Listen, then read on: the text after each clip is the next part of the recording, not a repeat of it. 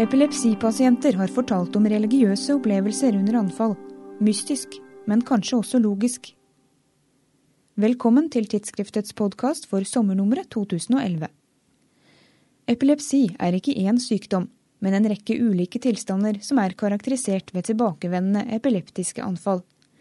Disse anfallene har til alle tider vakt undring og spekulasjoner, forteller spesialist i nevrologi Karl Otto Nakken. Ja, Epilepsi har alltid vært mytebefengt.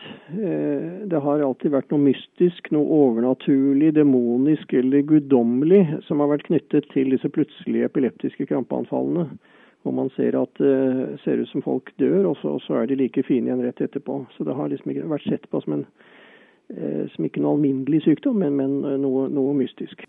At enkelte har fortalt om religiøse opplevelser under anfall, har ikke gjort sykdommen mindre mystisk. Sammen med professor Eilert Brottkorp har Nakken skrevet en oversiktsartikkel om epilepsi og religion. Opp gjennom historien finnes det mange religiøse personligheter man tror har hatt epilepsi.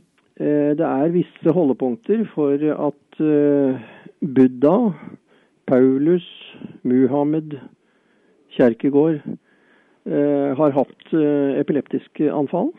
Det har vært hevdet at det finnes to typer religiøsitet. Den ene er den mer dagligdagse, ordinære troen, som ofte blir overført gjennom foreldre eller samfunnet. Den andre formen, som er mer interessant sett fra medisinsk ståsted, er den mer intense og ekstatiske religiøse opplevelsene, som kan ha en, et visst sånn anfallskarakter. Forskning har vist at religiøse symptomer kan relateres til epileptiske anfall på tre måter. Som iktale, postiktale eller interiktale fenomener altså knyttet til symptomer under anfall, etter anfall og mellom anfall.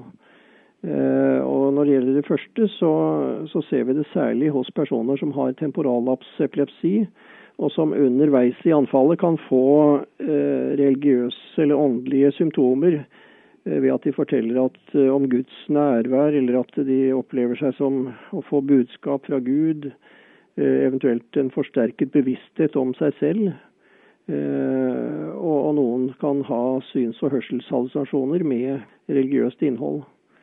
Mens eh, etteranfall, altså de postdiktale symptomene, det er ofte ledd i psykoser med religiøst innhold hvor, som kan vare flere dager. Eh, og man har sett eksempler på at folk er blitt frelst eller, eller plutselig omvendelse. Og hvor de har, kan ha ideer om å være særlig utvalgt eller Guds sendebud på jorden osv. Eh, mens eh, mellom anfall så er det da i litteraturen beskrevet eh, at en del personer, særlig da med tinninglaps eller temporallapsepilepsi, som utvikler noe som heter Geschwind-syndromet. Hvor personene blir veldig opptatt av religiøse og filosofiske spørsmål, og, gjerne kombinert med økt skrivetrang. Hvilken form for epilepsi er det særlig som forbindes med religiøse følelser? Ja, Det er særlig temporallapsepilepsi eh, med affeksjon av disse mediale eh, strukturene, limbiske strukturer, som er knyttet til vår atferd og våre følelser og emosjoner. Hva skjer i hjernen ved ekstatiske anfall? Altså det, Dette vet vi jo uh, foreløpig litt lite om, men vi tror jo at det er altså, epileptiske forstyrrelser i de limbiske strukturene. Og det er særlig eh, kanskje knyttet til noen av kjernene i de limbiske strukturene og amygdala, som, nei, og insula, som er uh, involvert i disse anfallene. Og som vi tror er knyttet til bevisstheten om en selv. Å bruke temporallapsepilepsi som forklaring på åndelige opplevelser må ikke oppfattes som blasfemi, sier Nokken. Han har likevel forståelse for at temaet er kontroversielt. Altså Jeg kan forstå det, at, eh, at det av noen kan oppfattes som litt blasfemisk eh, og kanskje også noe spekulativt. Men det er altså slik at eh, hjernen vår er det organet hvor all vår atferd og følelser er styrt fra. Eh, så det er jo ikke til å undres over at forstyrrelser i hjernens funksjon, sånn som ved epilepsi, kan gi seg utslag i forskjellige emosjonelle eh, symptomer, også med religiøst eh, preg. Og beretninger fra en del epilepsipasienter kan jo bekrefte det.